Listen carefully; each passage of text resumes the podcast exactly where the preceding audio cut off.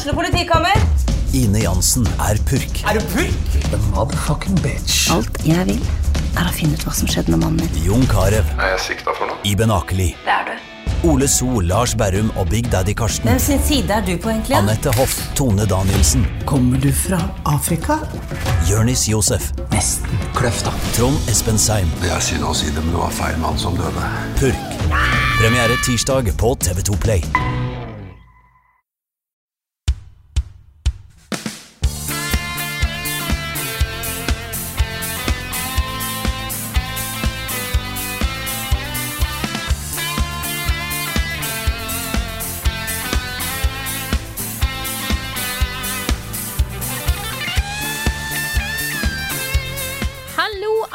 Og velkommen til en ny episode av podkasten Level Backup. Med meg, Frida Danmo, og med meg har jeg som vanlig Karl Martin Hogsnes og Grunefjell Olsen. Men i dag har vi òg Niklas Halvorsen. Hallo, alle sammen. Hei. Hei! Bra du kunne være med, Nick. Ja, bare hyggelig, altså. Alltid koselig å ha deg med. Åh, Jeg har litt eh, feber om dagen, jeg.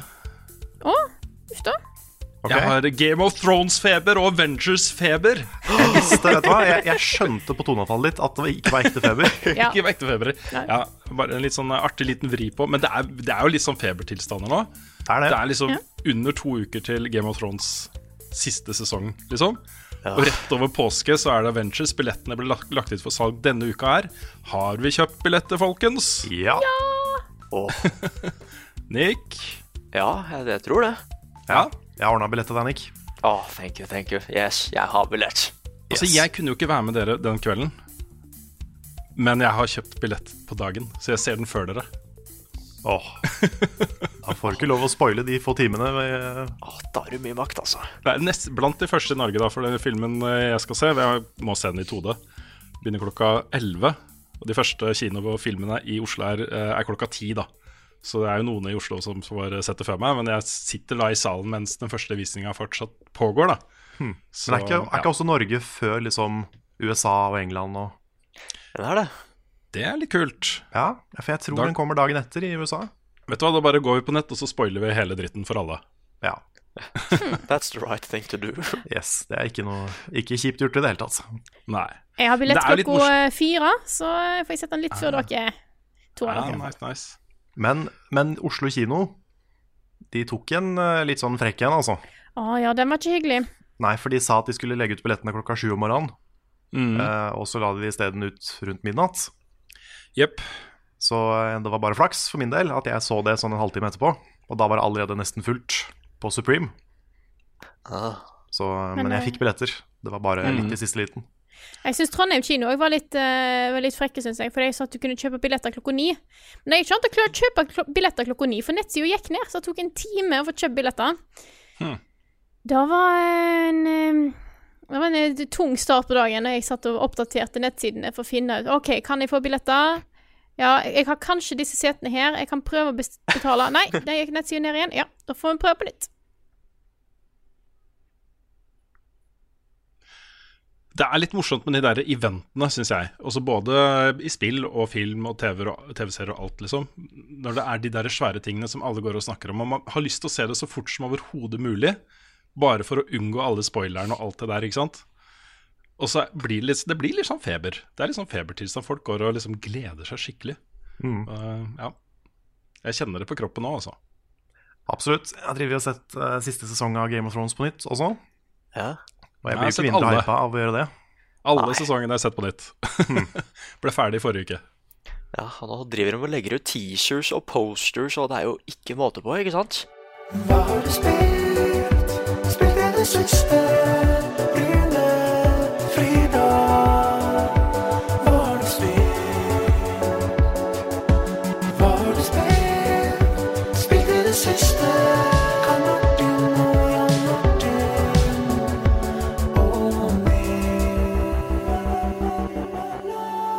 Vi har jo selvfølgelig spilt nok eh, litt, litt forskjellige spill siden sist. Jeg eh, har eh, jeg, vil bare, jeg vil begynne i dag, bare sånt at det er sagt. He-he. Eh, jeg har fortsatt på Baba, som fortsatt er vanskelig, men det kommer seg, og det blir en anmeldelse. Men jeg har også spilt noe sammen med Carl utenom stream. Yeah. Da hender det det skjer, for jeg og Carl og Lars og Charlotte har begynt å spille multiplayer Stardew Valley. Det har vi, altså.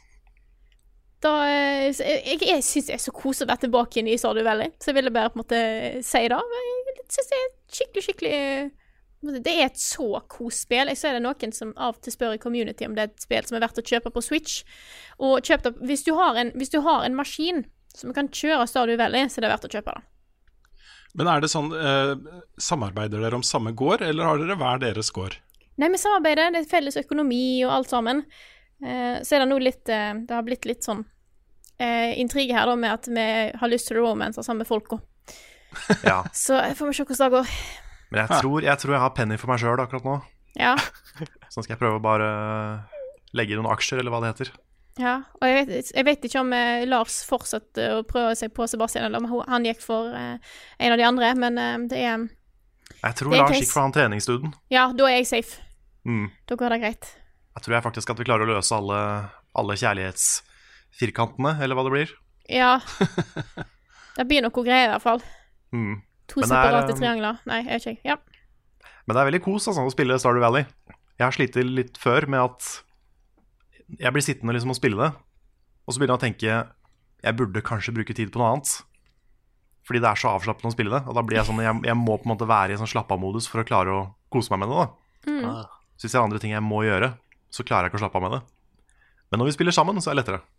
Mm. Så um, nå syns jeg det er veldig, veldig nice.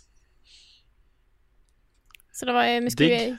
Ja, det, nei, det, var, det er veldig koselig. Nå eh, jobber vi oss videre. Vi er jo akkurat snart ferdig med, med spring season, som har ikke spilt så lenge, men eh, det er et eh, Det høres uh, veldig hyggelig ut, folkens. Tusen takk for invitasjonen uh, om å få bli med på det. Jeg antar at den invitasjonen bare uh, ble borte i Den eller noe sånt. det forsvant i posten. Ja. Ja, Mm. Mm. sorry.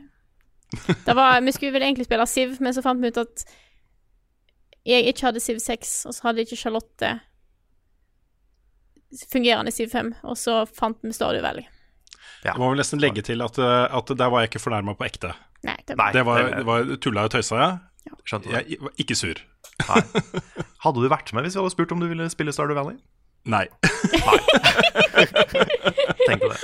Eller jo, så kanskje, kanskje, men eh, um, fritiden min er litt precious, altså. Jeg liker å kunne bruke den til å da enten se Game of Thrones, f.eks., som jeg pløyer gjennom alle sesongene, eller å kose meg med mine fritidsspill, da. Det er jo særlig ett spill nå om dagen som har blitt et sånn fritidsspill. Det er vanskelig å prioritere noe annet enn det, også når jeg først har noen timer på kvelden. ja, så vi er ikke høyt nok oppe på prioriteringslista di, altså. Det er det du Det sier er, her. det er vel mer Stardew Valley, tror jeg, som ikke klarer å trumfe helt uh, de andre tingene. Ja, ja, jeg skjønner det veldig godt. Jeg bare tuller litt med deg her. ja, det Du var jo, eh, du var jo invitert du òg, Nick, forresten. Ja. Det var bare, du kunne ikke den dagen vi skulle spille. Nei, det er sant. Og så er det eh, litt, litt synd, for det er jo Eller, det er bare fire player multiplayer. Det skulle gjerne vært enda flere. Så kunne vi fått med alle. Ja, ikke sant? Jo. Det, jeg innser bare nå sånn helt plutselig at det er ikke sikkert absolutt alle vet hva Stardew Valley er. Og det er et sånn farming simulator-spill, ikke sant? Pixel Ja, det er farming-RPG. Ja, kanskje det er mer riktig Ja. å si? Ja, for du går jo opp i level, og så bruker du items, og ja, farming-RPG vil jeg faktisk kalle det. FarmPG. Mm. Med litt eh, mining og litt uh, dating sim inni der. Og litt uh, monsterslaying og Ja, ja. Mm. Så det er en god Kan dere date kombinasjon av veldig hverandre? mye. Mm. Nei, nei, det tror jeg ikke. Nei, Nei. altså man får sånne hjerter når man gir hverandre ting. Ja. Men jeg vet ikke hva det betyr. Om det er jeg sånn datingting. vi- Ja, jeg tror ikke vi har Jeg, jeg tror ikke du kan date hverandre. Nei. Det, da må man i så fall sitte og rollespille. Ja. Ja. Og da har vi ikke gjort dette ennå. Nei, det har vi ikke begynt med. Nei. Yet. Og så Yes. Ja. Nei. Det hadde jo vært hvis Jeg prøvde å finne ut hvordan vi skulle få det til å gå opp. Nei, det hadde gått opp. Nesten. Nei, det hadde ikke gått opp. Uh, yes. Det hadde faktisk ikke gått opp i det hele tatt. Det hadde ikke gått opp i det hele tatt. uh, men ja, så det er et farming-RPG som er veldig likt Harvest Moon, for de som kjente det, bare enda mer. Enda bedre. Mm. Jeg hadde det jo på topplista mi for 2018, helt til jeg fant ut at oi, jeg hadde blanda utgivelsesdatoen med på Switch med release for multiplayer. Så sa du vel på Switch kom ikke ut i 2018 engang, som jeg påstod at jeg gjorde. Sånn at det, det, jeg hadde ingen forklaring på hvorfor jeg hadde det på 2018-lista, men det er der. Det var et viktig spill for meg i 2018. Mm. Yes. Den eh, 2018-lista mi hadde sett veldig rar ut hvis jeg skulle ta med alle de tingene jeg had- har spilt Eller spilte det året som ikke kom ut det året. ja, Der det var det Ja. mye greier jeg Var spilte, altså. Var det Bloodborne-året? Nei. Det er Minecraft-året. Det var- Minecraft-året var det. eh, Minecraft og uh, Dark Souls, i hvert fall. Ja. Ja. Og Dark Souls 3. Ja. Og Dark Souls 2. ja. Runes topp ti FromSoft. Ja, ja, ja. Men jeg, jeg, jeg tok meg litt frihet, da. På lista. Men det får, det, får, det får være en diskusjon for en annen dag. Ja, Det er lov. Bra, det, altså. Har dere lyst til å fortsette på ting? Ja, så vi har jo, jeg må- jo bare først si da at vi har hatt en litt sånn eh, oss imellom Ikke noe krangling om det, men en slags pakt om å holde Sekiro-praten til et liksom ikke for mye. Vi kommer tilbake til, eh, til det i spørsmål- og svarspalten fordi vi oppfordra folk til å stille oss det spørsmålet. Burde Sekiro ha en easy mode, eller til, tilrettelegge da, for folk som ønsker en litt enklere opplevelse, eller ikke? Så det spørsmålet har vi fått nok av. Vi skal diskutere det litt eh, i slutten av denne podkasten. Ja, altså Så- Nok av som i mange av, ikke vi har fått nok av det spørsmålet. Nei, vi har fått mange. Vi har fått veldig mange spørsmål. Ja. Så, så um, eh, Og så er det jo også sånn, Carl, at uh, anmeldelsen av Sekiro er rett rundt hjørnet. Det er, den er vel ute når uh, podkasten er ute, vi tipper da? så den, den er det bare å løpe og se hvis dere, hvis dere vil. Mm.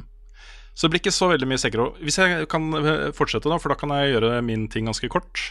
Ja. jeg har spilt Sekiro, eh, og så har jeg gjort ferdig endelig anmeldelsen av Devil May Cry 5. Og så jobber jeg videre med Division 2. Den Division 2 tar altfor lang tid, altfor lang tid, og nå har jeg spurt Nick hvor langt han har kommet. Jeg har spurt Lars hvor langt han har kommet. Og begge var sånn her Nei, jeg har ikke kommet så langt, altså. så ja. Men det bør testes. Heldigvis er jo dette et, uh, et uh, Games as a Service-spill som skal leve lenge osv., så, videre, så det vil fortsatt være mer relevant da med den anmeldelsen altfor seint enn Devil May Cry 5 altfor seint, f.eks. Så det kommer etter hvert. Så, men jeg gleder meg veldig til å se din anmeldelse, Carl. Det er mulig at det er en til som er med på den, som jeg gleder meg til å se. Ja, kan jo, kan jo si det nå. Det er jo, er jo Svendsen. He's back! He is back. Vi har vært ute i Oslo og filma masse tull, og vi har eh, koordinert. Snakka litt forskjellige ting. Og eh, har nå en, en ganske svær anmeldelse. Den er vel over et kvarter lang, Å, såpass, ja. så den, så den ble svær, den videoen. Føler Men- anmeldelsene våre blir bare lenger. Ja, det blir det. Men vi kan jo òg si, sånn som du nevnte i Community, eh, Carl eh, Hvis du hører noe på denne podkasten og ikke har sett Sekiro-anmeldelsen ennå, og heller ikke har sett Dark Souls 3-anmeldelsen til Carl og Svendsen, så må du se den. Hvis ikke så skjønner du ikke Dette er så gøy. Du må se, du må se den for anmeldelsen av et annet spill, så du kan skjønne plottet i neste anmeldelse. Det er helt riktig. Yes. Det er, altså, jeg har en recap i starten, Ja. uh, så, så du må ikke, men det er, det er en fordel, da. For å få konteksten. Fordi Svendsen har jo en sånn ting gående, hvor han, eh, hver gang det kommer et FromSoft-spill, så dukker det opp en person i huset hans Ja. som han må slåss med to the death. Ja. Og etter at vi begynte å anmelde ting sammen, så tenkte jeg det her kan vi gjøre noe gøy med. Så vi har på en måte bare fortsatt den, da. Mm. Så dette er en, et nytt kapittel i eh, Svendsen versus FromSoft-personer. Law-historien. Det er bra. Stay tuned for det. Det er liksom next level anmeldelse, dette her. Det er, det er noe, i hvert fall. Ja, ja. Nei, det er Ikke helt hva det er, men det er noe. Ja, det er meg. Jeg Ja. er uh, ferdig for denne gang. Hvem Ja, skal jeg ta si- over? Kjør på. Kjør på. Yeah, yeah. Ja, eller, eller hadde du tenkt å gi den til, til Nick? Nei, jeg tenkte jeg skulle spørre hvem som hadde lyst til å begynne. Ikke alle okay. sammen på en gang, da. Ja, okay. Du kan ta det først. Go. Ja, ok, da, da går jeg først. Ja. Gjør det. Du vet, Nei, jeg har jo, har jo da spilt, uh, i tillegg til Stardew Valley og Sekiro, så har vi jo spilt uh, Yoshi. Yoshi's Crafted World på, på stream i går. Og jeg tror jeg sa det på streamen, men um, nå har jo Nintendo laga helt sikkert over 100 2D-plattformspill. Men det at de likevel klarer å finne på nye ideer, gjøre nye ting som er gøy og spennende og kult, det imponerer meg veldig. Jeg hadde ikke sånne kjempehøye forventninger til det spillet her. Jeg tenkte det skulle bare være mer Yoshi's Woolly World, egentlig. Men det er så mange små ting som er smarte og morsomme og underholdende og veldig sjarmerende. Så jeg ble egentlig kjempeimponert. Og så var det jo så mange søte kostymer. Det var det òg. Vi fikk vi kan, jeg, jeg tror Et av de første kostymene vi fikk, var at vi kunne kle oss ut som et tog. Nei, presangen. Ja, presangen var den første. Ja, ja. Den var veldig fin. ja. Men toget, ja. Stemmer. Mm. Så det, det, var, det var veldig gøy. Så hvis du er glad i Yoshi-spill, enten det er Yoshi's Island eller Yoshi Story eller hva som helst, eller hvis du har kids som du har lyst til å, å gi et kult og ikke så vanskelig spill, så uh, this, is, this is your jam. Det var veldig vanskelig for meg å gi fra meg det spillet til deg da du var inne her på tirsdag, Carl. Ja, for du fikk det tilsendt, Yep. og jeg fikk det av deg. Ja. Det var jo en ren businessbeslutning. Det, den beslutningen kom ikke fra hjertet eller noen ting, liksom. Det var bare Nei, men nå har vi det jo på, på sånn eh, kassett, Ja. så du kan jo få det tilbake etter hvert hvis du vil. Veldig gjerne. Veldig gjerne. Det tror jeg er noe for, for kidsa. Mm. Og så kan vi også ta debatten om uh, Does Yoshi need a, a mellow mode? For du har en easy mode Yoshi som uh, Jeg vet ikke helt hva den betyr, men jeg tror du får noen vinger og noe greier. Jeg tror du kan fly hele veien. Ja. Så um, Ja, men det Nei, vi spilte, spilte på normal, men det, var, uh, det er alltid, alltid koselig å ha en sånn mellow mode. Altså Akkurat i de spillene der, det tror jeg eneste grunnen til at de er der, er for de aller, aller minste, de som ikke kan spille i det hele tatt. Mm. Som syns det er gøy, da.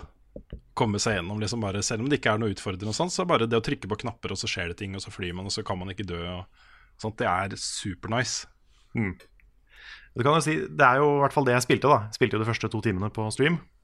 Og det var jo ikke vanskelig i tradisjonell forstand, men det som var vanskelig, det var å finne alle tinga. Så hvis du vil være completionist, så, så får du nok en, en slags challenge her. Jeg har også hørt at det blir vanskeligere etter hvert, sånn seint i spillet. Så kanskje det, kanskje det er litt hardcore plattforming i dette her også. Oh. Så vi får, vi får vente og se. det er egentlig det vanskeligste å gjøre i spillet, faktisk. Ja, kanskje. Det er vanskeligere sånn der Kaizo Mario og sånn. ja. Bare erke-hardcore. Lurer kidsa inn med sånn søt grafikk, og så Så kommer det verste de har opplevd. ja, men that's how they get you. Altså, altså, alle de vanskeligste plattforma har jo fin grafikk. Ja. I hvert fall en pen stil. Mm. Yoshiro. Ja, Yoshiro, ja. ja. Yoshiro. Ja. Nei, jeg er spent. Jeg skal spille det mer. Og uh, kanskje komme tilbake til det i en fremtidig podcast. Men det er, uh, det er meg. Yeah, Niklas Halvorsen. that's me. Nei, for jeg har jo spilt litt Sekiro, jeg òg, da. Eh, det eneste, jeg har gjort så langt, er jeg har tatt Eller så langt, jeg har tatt han derre Something Something of Hatred. Mm. Demon of Ja. Hatred. Ah, ja, ok, da. Jeg, jeg var ikke helt sikker på jeg, om jeg kunne si hele navnet. Å ja. Og, Er og det som er jeg, jeg, jeg opp alt, jeg nå? jeg kommer Frida inn, vet du, bare. Tar ikke hint i det hele tatt. Nei, Nei det, er ikke en, det er ikke en spoiler. Det er bare et navn. Mm, det er bare et navn. Det går bra. Det, det går sikkert fint. Og han, han, han var tøff. Han var en tøff nøtt. Men, men jeg tok den.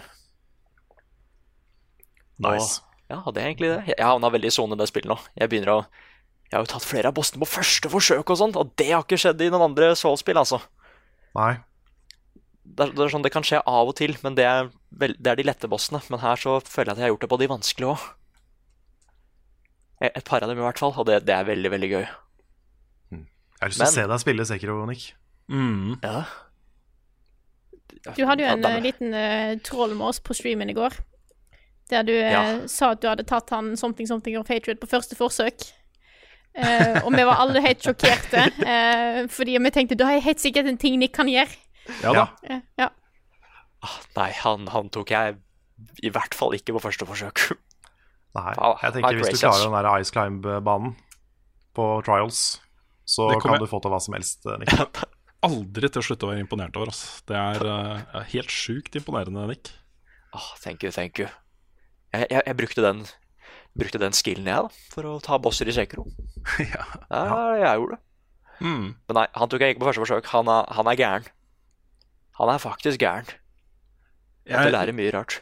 Jeg føler virkelig at det ligger en eh, spoilercast eh, i emminga her. At vi bør Det sette oss ned når vi alle har kommet seg gjennom. Mm, Mm. det må vi lage. Ja. Og så har jeg spilt eh, Det kom jo en sånn der remastered versjon av Borderlands. Aha. Så jeg har satt meg ned med det igjen. Og det er jo et Det er jo Det er jo kanskje et av topp fem spillene mine da, for all time. I hvert fall det første. Det men så kult. Åh, det er så gøy å besøke det igjen. Og så er det et par nye ting der òg, da. Nye våpen og et par nye quests eller sånn, tror jeg. Noen som jeg i hvert fall ikke husker, i hvert fall. Så jeg bare Jeg er på det der Borderlands 3-hype-trainet, jeg nå. Ukens anbefaling. Hva skal jeg finne på? Ukens anbefaling. Hva skal jeg finne på? Ukens anbefaling. Hva skal jeg finne på? Ukens anbefaling. Hva skal jeg anbefaling som vi har vår jeg håper faste gjest, Nick, som skal komme med. Faste gjest. Faste gjest. ja. ja, fordi det var jo Det var jo slutten av animesesongen nå. Så nå begynner det neste uke nå så kommer det til å dukke opp masse ny anime. Ja. Og, men det som var, da, var at eh, da var det jo noen av seriene I hvert fall de seriene som jeg fulgte med på, det hadde jo sesongavslutning. Noen hadde til og med serieavslutning. Og det var en serie som stakk ut der, da. Og det er sånn Det skal mye til for at jeg gir ti av ti til en sesong, ass. Når det kommer til TV-serie og anime. Men jeg tror fader meg den serien her greide det. Og det er Mob Psycho 100. Har dere hørt om den? Nei. Nei. Mob Psycho? Mob, Mob Psycho, Psycho. 100. Mob Psycho? Ja. Ja. Mob Psycho 100 heter den. Wow. Ja. Det er sesong to, da, er det ikke? det? Det er sesong to. Jeg har ikke sett den ennå. Jeg har bare sett sesong én, og den er jo dritbra. Sesong to er så good! Og det er eh, Jeg veit ikke om det er slutten av serien heller. Det kan hende at det er det. Det virka litt sånn. Og det er at eh, Mob Psycho handler da om eh, Det handler om en, en gutt som går på videregående som heter Han heter Mob. Eller han heter noe annet, men han, han kalles Mob, da. Men han er en sånn herre Esper. Han har telekinesis og psychic abilities, ikke sant? Så fritids... Eller fritids Han jobber som frilans for en sånn derre For et medium til å exorcise bort Ghost og sånn med sine powers. Men det som er da, er at han, grunnen til at den heter Mob Psycho 100, er fordi at han sliter litt med å vise følelser. Han, eh, han, bygger det veldig opp inni seg og liker ikke å være til bry, ikke sant? Og det, koblingen til dine psychic powers, det er følelsene dine. Så hvis han blir sint, da, da, da skjer det crazy shit, altså. Hmm. Ja, og Nei, jeg skal ikke si så mye om det, men det handler veldig mye om at det, det er veldig god character development. Det tar for seg liksom Han han har lagd en serie med superpowers, liksom, men den er veldig aktuell til i hvert fall folk i den alderen, da. 15-17-alderen, kanskje. Ja, tar for seg liksom det, det å få venner og hva du skal gjøre etter at du er ferdig med den delen av livet, og ja, hvor viktig det er å lukte på blomstene og sånne ting, da. Og den, eh, den er altså veldig veldig godt animert, for veldig mye av det er ikke digitalt. Det er tegna for hånd. Så det, Den er supernice, og sesong to var amazing. Igjen, det er kanskje ti av ti. ass. Det er noe av det beste jeg har sett. Og den, ja, og den kan du se på Crunchyroll. ok. Ja, nå er jeg ferdig med Promise Neverland, så nå må jeg jo se noe mer. Ja, da har du enda en ny serie. Det er ikke så mange episoder heller. Det er tolv episoder i hver sesong.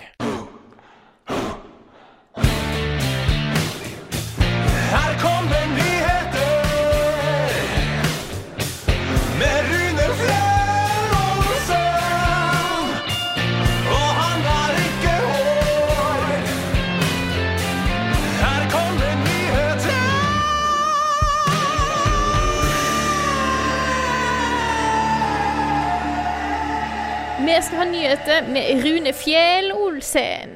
Og Det er meg, det. hår. Du, det har kommet en ny trailer for Draugen, som er et av de norske spillene vi gleder oss aller, aller mest til. Dette er jo det nye spillet til Red Thread Games, fra pennen til eh, selveste Ragnar Tørnquist. Det er litt spennende her, fordi dette er vel den første nye greia han har lagd på veldig lenge.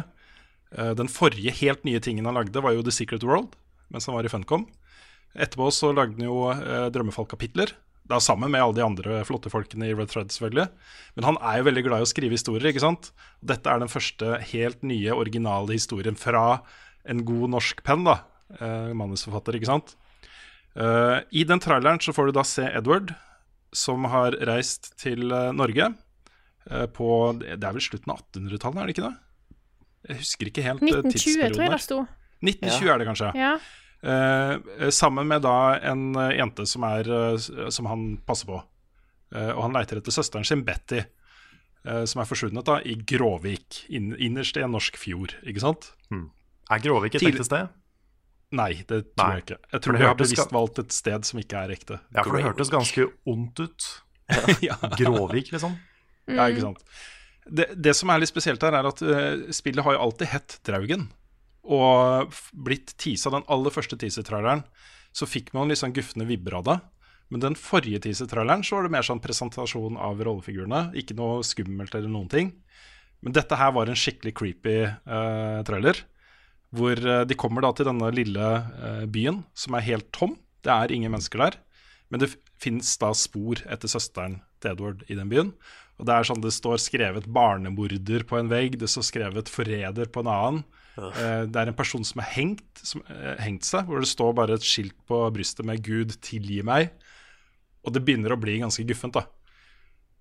Vi, eh, eh, den, kom, den kommer jo egentlig ut, den traileren, etter at vi spilte inn podkasten, men vi har fått eh, en link fra Redthread for å kunne se den og snakke om den.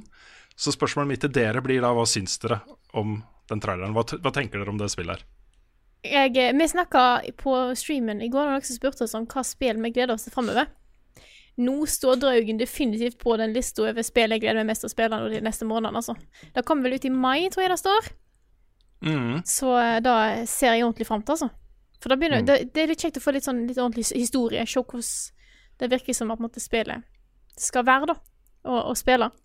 Jeg, eh, jeg gleder meg til å få se hva resten av den historien her er. Mm. Det, um, jeg ble overraska over hvor ambisiøst det ser ut.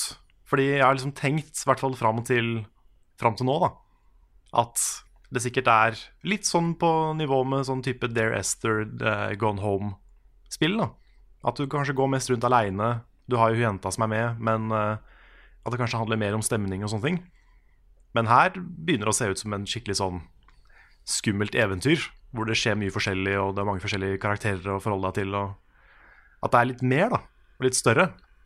Eh, og det, det syns jeg er kult. Jeg håper ikke det er for skummelt, fordi jeg har lyst til å spille det helt gjennom.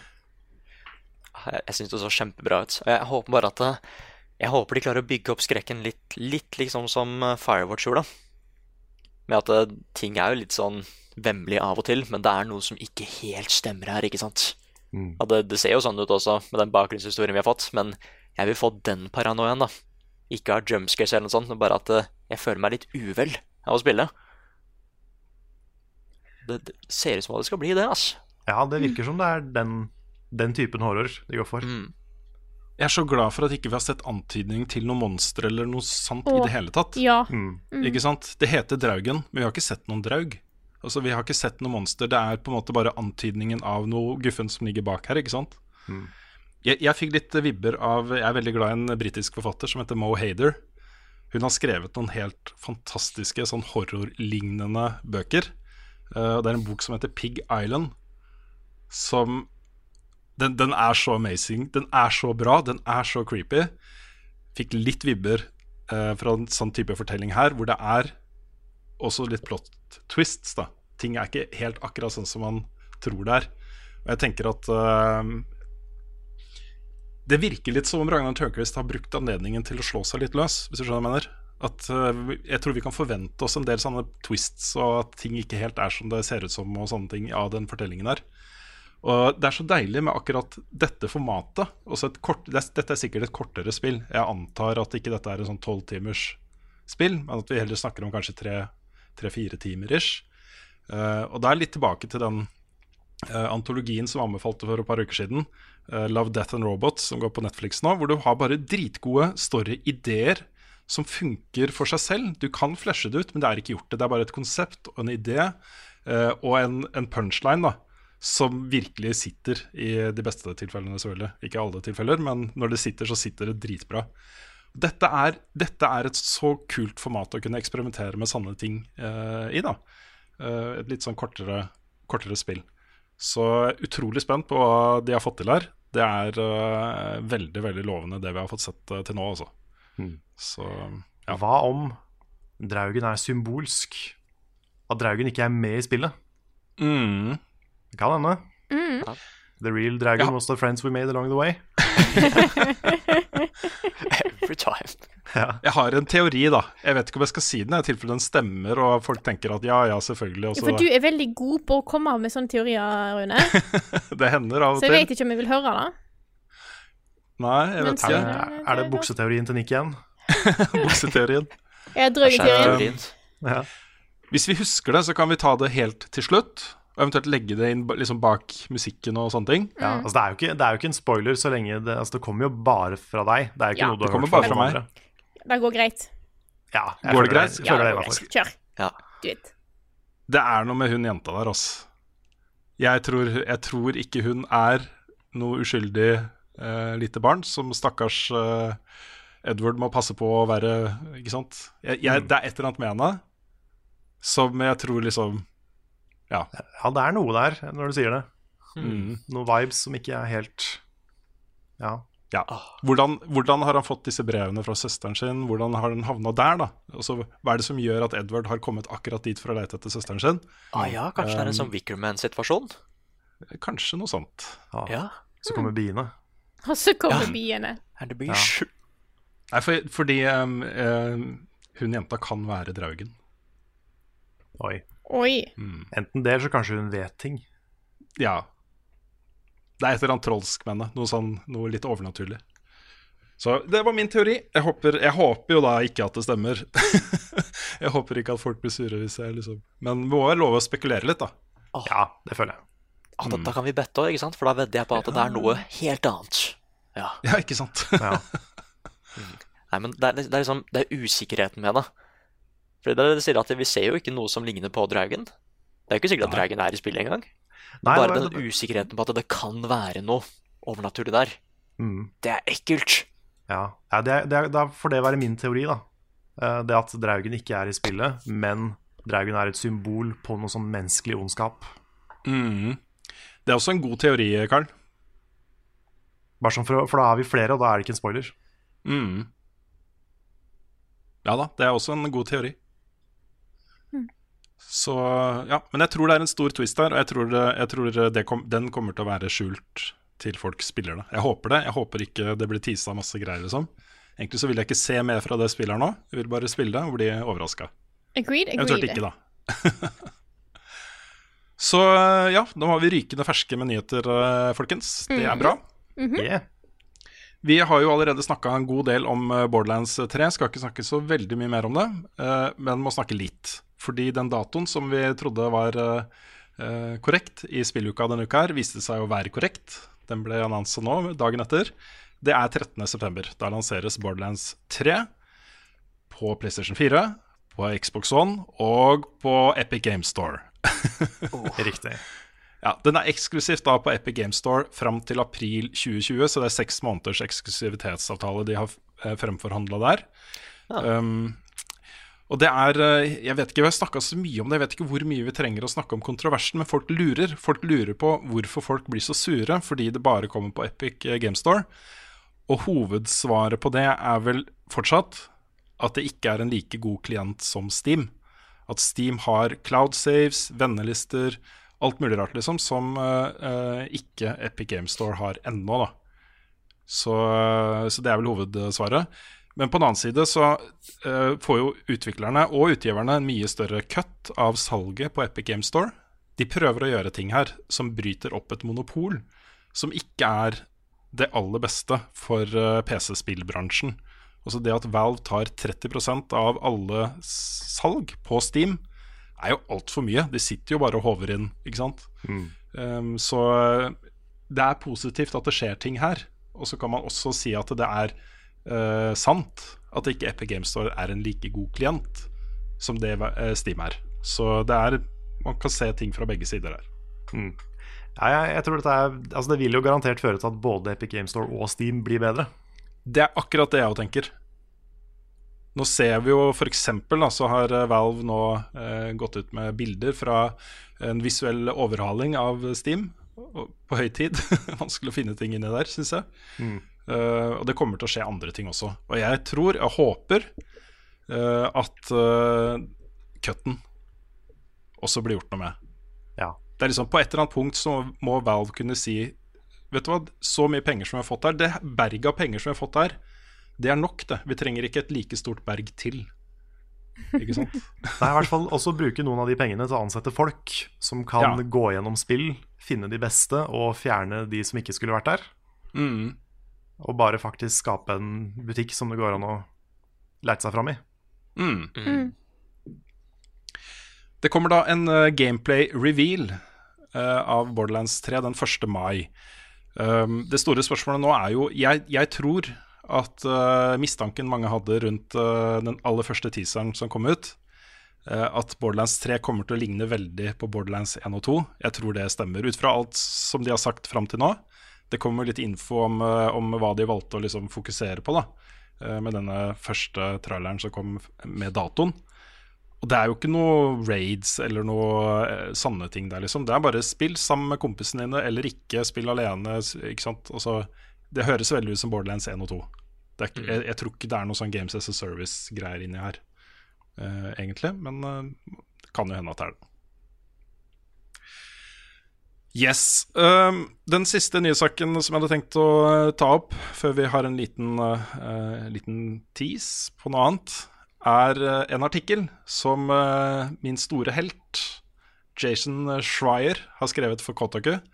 Han har jo nå i mange år kommet med fantastisk gode artikler på innsiden av de store spillselskapene, og små spillselskaper eh, for så vidt. Men, men han, er, han har et kildenettverk som, som aldri har eksistert hos noen spilljournalist noen gang. Og det, det føder da en del utrolig viktige og gode artikler. Og den siste artikkelen hans er jo fra innsiden av BioWare eh, om utviklingen av Anthem. Og det er jo et, eh, det er jo 10 000 ord eller noe sånt. Den er veldig lang og veldig grundig. Og han har snakka med massevis av anonyme da, kilder som enten har jobbet i BioWare tidligere, eller som fortsatt jobber der. Og Grunnen til at alle disse kildene står fram, er jo det samme som varslere gjør innenfor alle bransjer. Det er for å si fra om forhold som ikke er sunne, og som ikke fører til bra spill, og som ikke fører til fornøyde ansatte, og som ikke fører til bra greier, men praksiser da, som bør endres. Eh, Og blant de tingene som Jeg skal ikke ta alle detaljene fra artikkelen. Jeg anbefaler alle å gå på Kotaku og lese den. Um, men Den står på toppen hos meg på hva jeg skal lese når jeg har, eh, har, eh, har tid til 10 000 ord.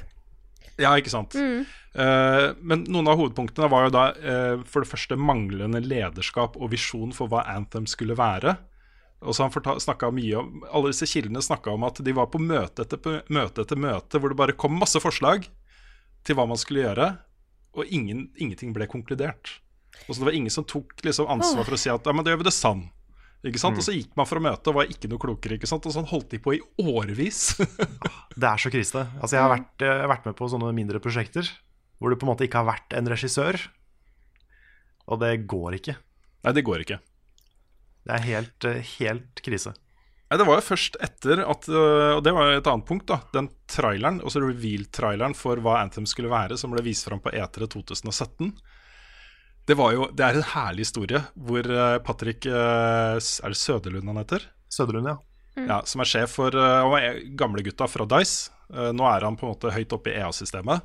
Han ble fløyet da, til BioWare for å se på tilstanden til Anthem. Og gikk ut fra det møtet bare sånn Hva i helvete var det her for noe? Det her er, ser jo dritkjedelig ut, og det er, kan Ikke sant? Du må gjøre noe. Og så satte de seg ned og lagde en ekstremt regissert opplevelse hvor de tok til Nei, vet du, det blir så mange detaljer her. Men de hadde jo tatt ut flyving. de kunne ikke fly i det demoen som man fikk se da. Så da tok dere tilbake, selv om det ikke funka, så fikk dere til å se ganske kult ut allikevel. Og så ble det også den der gameplay-demoen som ble vist fram på E3 2017, ikke sant. Ah, det er ikke bra, Ekstremt regissert. Nei, det er ikke bra i det hele tatt. Nei. Men de snakka om problemet med Frostbite, som EA tvinger alle selskapene til å bruke. Ja, det reagerte jeg på, for det, det virker så utrolig lite gjennomtenkt. Altså, det virker ikke som de som det virker ikke som de har peiling på hva den enginen er til. Nei, for Nei. at når du har nå tre spill som har hatt problem med den enginen, og er bare sånn Jo, jo, vi skal bruke den, så jeg tror ikke de har skjønt at den enginen er et problem.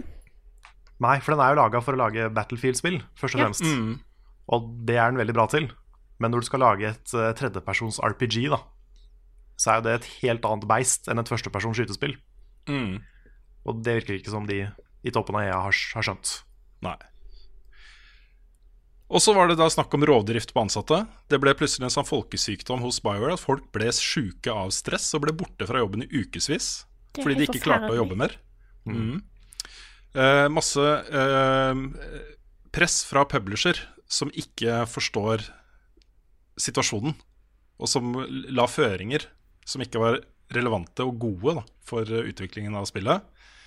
Eh, og så det siste punktet som er satt opp, det er mange andre ting jeg kunne nevnt her. Det siste punktet var eh, Bio har alltid vært litt sånn at de har hangla litt og litt sånn, vært litt vage på hva man faktisk skulle lage. da. Eh, før da eh, de siste månedene, siste halvåret, siste året, har liksom alle de løse trådene samla seg. Det har liksom blitt noe dritbra. da. Og det blir liksom omtalt som BioWare-magien, som da alle har stolt på også skal komme inn på Anthem da, på slutten. Ikke sant? At det ordner seg, ikke sant? fordi det har alltid gjort det. Men det gjorde ikke det med Andromeda. Um, det gjorde ikke det heller med, med uh, Dragon Age Inquisition, var det det? Et av disse Inquisition Age-spillene. gikk det bra med. Ja, det gikk bra med, men internt i BioWare så er det som marerittprosjekt for dem, da. Med Ja, crunch-periode stemmer det. Ja, for det var også Frostbite, ja. Det er også Frostbite, ikke sant? Riktig. Det var sånn det var. Ja. Så, så masse punkter her, masse punkter som går på liksom arbeidsmiljø og fremtiden til dette selskapet her. Og så velger da EA, vil jeg tro, ikke BioWare, å svare med å angripe eh, Schreier og si at, eh, at de er veldig imot da, journalister som prøver å rive ned selskaper og personlige ansatte eh, hos BioWare for å lage en artikkel. Det er jo ikke det han gjør! Wow. Dette er jo, dette er jo de, deres egne ansatte som går ut og sier ifra at sånn skal det ikke være, ikke sant? De har virkelig ikke Så- skjønt det, altså. Virkelig ikke skjønt det. Disse artiklene er så viktige fordi spillutvikling er for publikum og for journalister helt lukka. Du får ikke lov av utgiverne til å komme på innsiden av de prosessene her. Hver gang vanlige journalister da, uten det kildenettverket og den eh, tyngden og ryggraden som Schreier har, da. Uh, han har jo vist gjennom mange år at han, han, er, han kan ta de sakene og behandle de med respekt uh, og med ansvarlighet. Uten å liksom prøve å overdrive ting og sånt. Han bare forteller ting hvordan det er. Utviklere stoler på at han behandler den informasjonen han gir dem på en bra måte. ikke sant? Men journalister flest, og spilljournalister i hvert fall, har jo ikke den samme kontakten med utviklere. Og derfor så blir den type historier er liksom De er så sjeldne. De kommer aldri ut. Uh, men de må ut. Og de må ut, og de må De må danne grunnlaget til hvordan selskaper tenker business, rett og slett. Og tenker på sine ansatte. og eh, skal man liksom på død og liv og over ansattes lik nærmest lage disse spillene vi elsker så mye? Er det liksom etisk forsvarlig? Nei, svaret er jo nei. Svaret er nei. Ja. Nei, det, det er veldig bra at sånne type artikler kommer ut. Sånn som eh, Red Dead-saken også var jo ikke lenge siden. Jeg håper det er starten på eh, en liten revolusjon i spillbransjen. At det blir tatt ordentlig tak i. Men det blir jo For det jo- fortsatt Så den fortsatt... Red Dead-saken, Karl... Carl Der var det jo sånn Ja, det var bra den kom ut, men der drev jo Rockstar eh, det som mange kaller eh, sånn damage control etterpå, og håndplukka hvem av disse ansatte som skulle få lov til å snakke fritt om hvordan det faktisk var å jobbe med Red Dead Redemption 2. Mm. Og enden på visa var at det var kanskje ikke så ille likevel. Kanskje det var liksom Ikke sant? Så de Ja, fikk men, eh, men ble, de, ble de trodd på det? For det var ganske gjennomskuelig. At de ikke hadde spurt f.eks. Q-avdelinga, og de hadde ikke sånn og sånn. Ja, så lenge ikke det henger folk på buksebeina deres og maser om eh, den sanne historien hver dag, så har det gått bra for Rockstar. Ja, det er det. det, er det. Så Men- de slapp jo litt unna. Jeg syns de dodga den, egentlig. I ganske stor grad, da. Ja, jo. Det er sant. Det er bare, ja, det er bare de, de arbeidsforholdene må bli bedre. Det kan jo ikke Mm. fortsette sånn. Det er jo snakk om eh, det store spørsmålet som eh, veldig mange utviklere i USA nå diskuterer, er jo eh, fagorganisering. Mm. Det å organisere seg for å kunne samle og stille krav til eierne og selskapene de jobber for, for å bedre arbeidssituasjonen. Det er vanskelig å si om det er mulig å få til. Um, det fins jo mange som kjenner liksom det faget, da, spillutvikling, godt, som sier at ok, hvis, hvis folk organiserer seg da, begynner å stille krav, så ansetter de bare noen andre. Og det er liksom, Folk er så hyppe på å komme seg inn i disse selskapene at det er ikke noe vanskelig å få tak i folk som har lyst til å jobbe der uansett. da. Um, men det som skjer er jo at du brenner gjennom ansatte. ikke sant? Du brenner gjennom en hel generasjon. De kommer inn kanskje som 20 par og 20-åring. ikke sant? Jobber i livet av deg i fem år, og så klarer du ikke mer. Så er du ferdig. Nei, Det er den holdninga om at eh, du er heldig som får lov å jobbe med spill. Mm. Derfor skal du bare finne deg i hva som helst. Ja. Er ikke helt bra, altså. Det er ikke det. Men når vi er, eh, når vi er innom eh, flinke spilljournalister, da. Jason Schreier er jo en av de absolutt Han tar jo spilljournalistikk til et nytt nivå. Eh, Vi også trekker fram da Danny O'Dwyer fra Mm. Noclip. Fordi videodokumentarene hans er nydelige. altså. Ja, han la ut en melding om at han dro, dro fra en GDC med liksom 15 minidokumentarer i bagasjen. Han har da intervjua masse utviklere, små og store, om spillene deres for å lage Mm. da eh, minidokumentarer. Ja. Jeg har, jeg har lyst til å leve i en verden hvor det er så lett Altså hvor det er så vanlig å få eh, åpne historier om utviklingen av spill. Mm. For det er så spennende. Ja. Og i hvert fall når det kommer fram hvor eh, ille det av og til er, så er det viktig òg. Mm. Nei, det er eh, et herlig, hva skal man si, en herlig motsats da, til eh, heia-journalistikken rundt eh, spill, som jo er eh, i veldig stor grad, og det er også grunnen til at vi ikke gjør så mye sånn nyhetsartikler-type, altså tradisjonelt nyhetsstoff da, om spill. Det er styrt av PR, PR-siden av utgiverne. Og det er Mm, nøye planlagt og veldig, veldig, veldig eh, PR-styrt. Mm. Previews og sånn, det slutta vi med ganske tidlig. Ja, det skal mye til for at vi gjør det nå, altså. Mm. Greit. Eh, vi må også nevne at eh, det er jo en ny generasjon norske spillutviklere på vei også. Eh, nå er det like før. Det er Norwegian Game Awards igjen, som er den årlige kåringen av de beste studentspillene i Norge. Dit skal du, Frida. Der skal jeg. Det skjer nemlig på lørdag i Trondheim. Det er utsolgt, så vidt jeg har fått med meg. Men jeg skal der. Jeg tar med meg eh, min, min kameramann Petter, og vi skal filme. Og det blir eh, et innslag så snart det er ferdig. Jeg gleder meg egentlig veldig til å se egentlig hva hva som er der av spill. Jeg har sett litt på disse preview-videoene de har lagt ut. At vis- det ser ut til å være ganske mye forskjellig. Så jeg gleder meg til å sette meg ned og teste, teste disse spillene som studenter, studenter rundt omkring i Norge har lagd. Eh, og så blir det gøy å se hvordan eh, det går. Det skal også være noe, eh, noe foredrag underveis, tror jeg, hvis jeg husker rett. Og litt uh, spillutviklere og sånt. Så jeg tror det blir en eh, bra dag. Uh, blir eh, spennende. Jeg syns det er så kult at de i årevis nå har bare kapra Norwegian Game Awards som tittel på greier, liksom. Ja. Og så er det en studentpris. Det er jo ikke det du forventer, kanskje. Men det er, jeg syns det er kult. Da må liksom alle andre som skal ha kåringer, de må jo finne på nye navnet. ikke sant? De kan ikke bruke Norwegian Game Awards, som er den beste, det beste, kanskje. Ja. Det beste navnet på en sånn kåring. Helt sant. Og så er det litt sånn rart, for jeg har jo ikke Det har jo vært i Trondheim hvert år, men jeg har liksom ikke aldri, jeg har aldri hatt tid til å være med. Så i år har jeg tid til å være med. Da jeg, jeg ser egentlig litt fram til det. Kommer Rune sin standup på DVD, eller? Jeg selger et guttenavn. Hva er det verste karet ditt? Hvilket språk snakker Frida egentlig? Hvorfor er Mario rørlegger? Vi har fått inn masse spørsmål denne uka, og en del av disse spørsmålene er et svar på et spørsmål fra dere i spilluka om folk kunne spørre om Spør oss i podkasten om vanskelighetsgraden i Sekiro. Sånn var det. Det er helt Ja, riktig. litt kronglete forklart, men Yes. eh, jeg tror folk forsto meningen. Yes. Ja, det er jo litt Ja. sånn Når man roper i skogen, får man munnen full av kongler. Det har kommet masse spørsmål om det. Grunnen til at vi sa det sånn, var vi vurderte å ta den diskusjonen i spilluka. Så tenkte vi nei, det passer bedre i podkasten. Så da Mm. I tilfelle da ingen stilte oss det spørsmålet, så ikke sant, sørga vi for at nå kom det.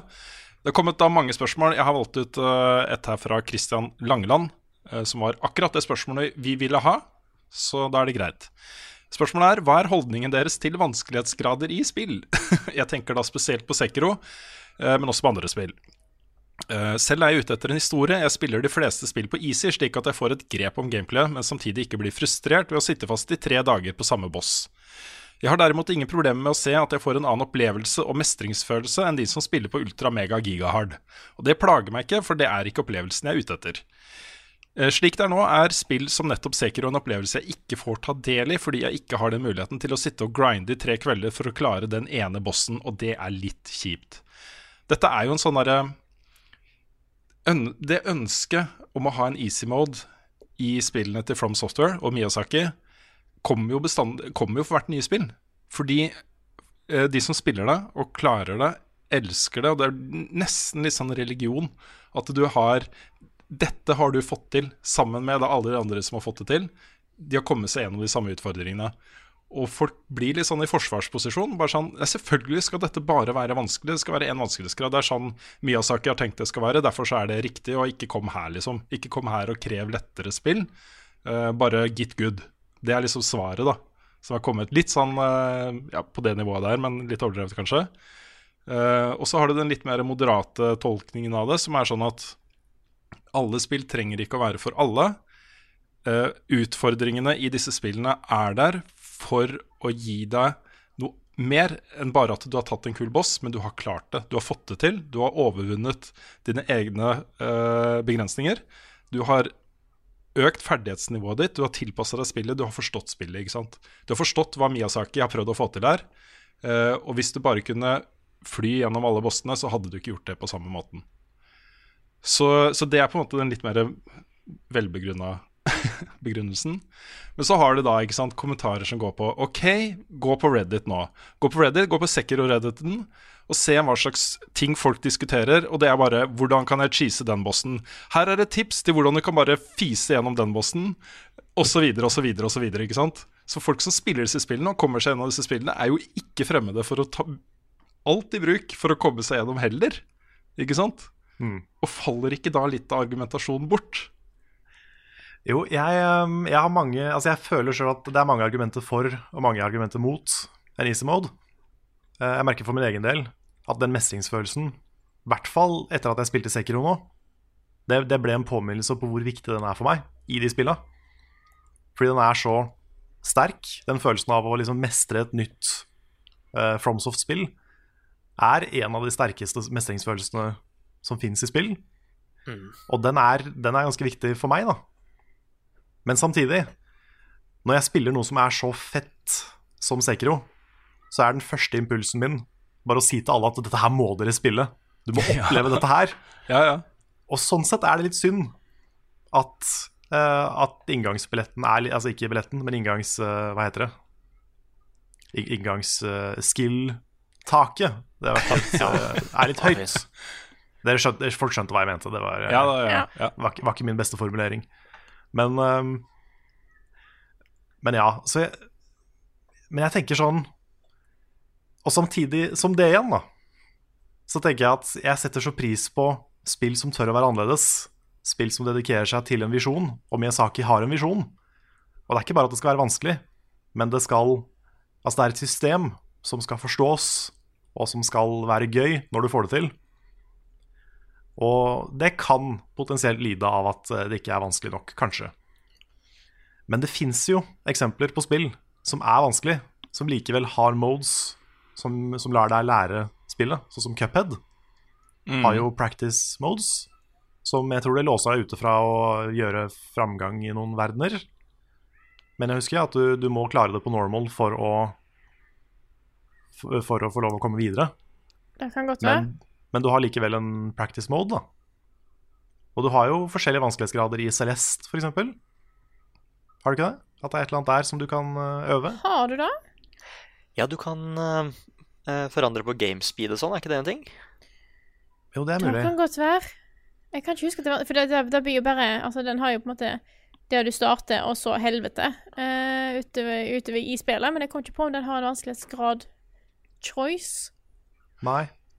Nei, fordi jeg tenker at det fins måter å inkorporere, eh, om ikke en easy mode, så i hvert fall en slags treningsmode, da, som er litt mer eh, forseggjort enn han fyren du kan slåss med på eh, startområdet. Og det tenker jeg at kunne, kunne kanskje vært noe. i et FromSoft-spill. Ja, jeg- det, det er ikke viktig for meg å ha det der, for jeg, jeg liker spillene veldig godt som de er, og jeg hadde ikke brukt den easy-moden hvis den var der. Men det hadde ikke skada meg hvis den var der heller.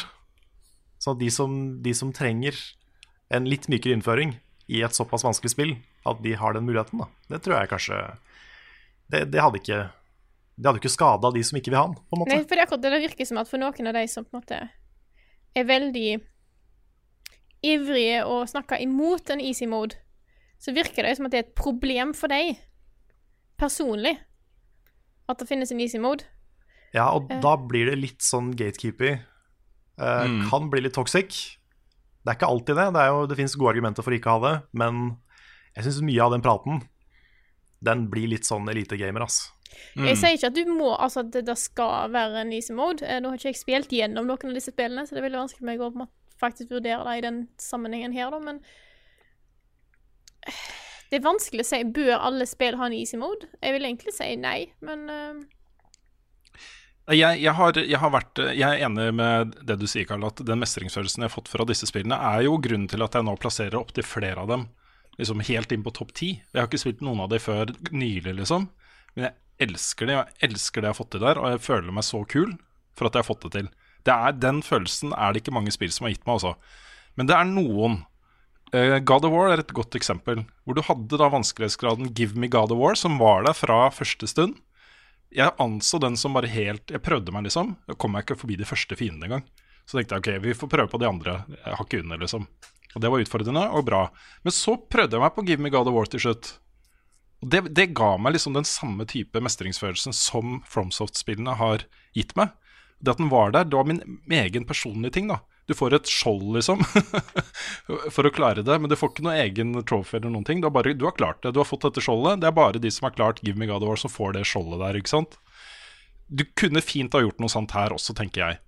Og, og du kunne fint ha lagd systemer som ikke blir for lette. For jeg tror det at det å fise gjennom Sekiro er ikke gøy. Altså det, det kan være stilig. Altså du kan få mange sånne actionopplevelser, og det kan være tøft å se på og, og alt det der. Fordi det er jo veldig bra laga på alle de områdene også. Men det hadde ikke blitt like gøy.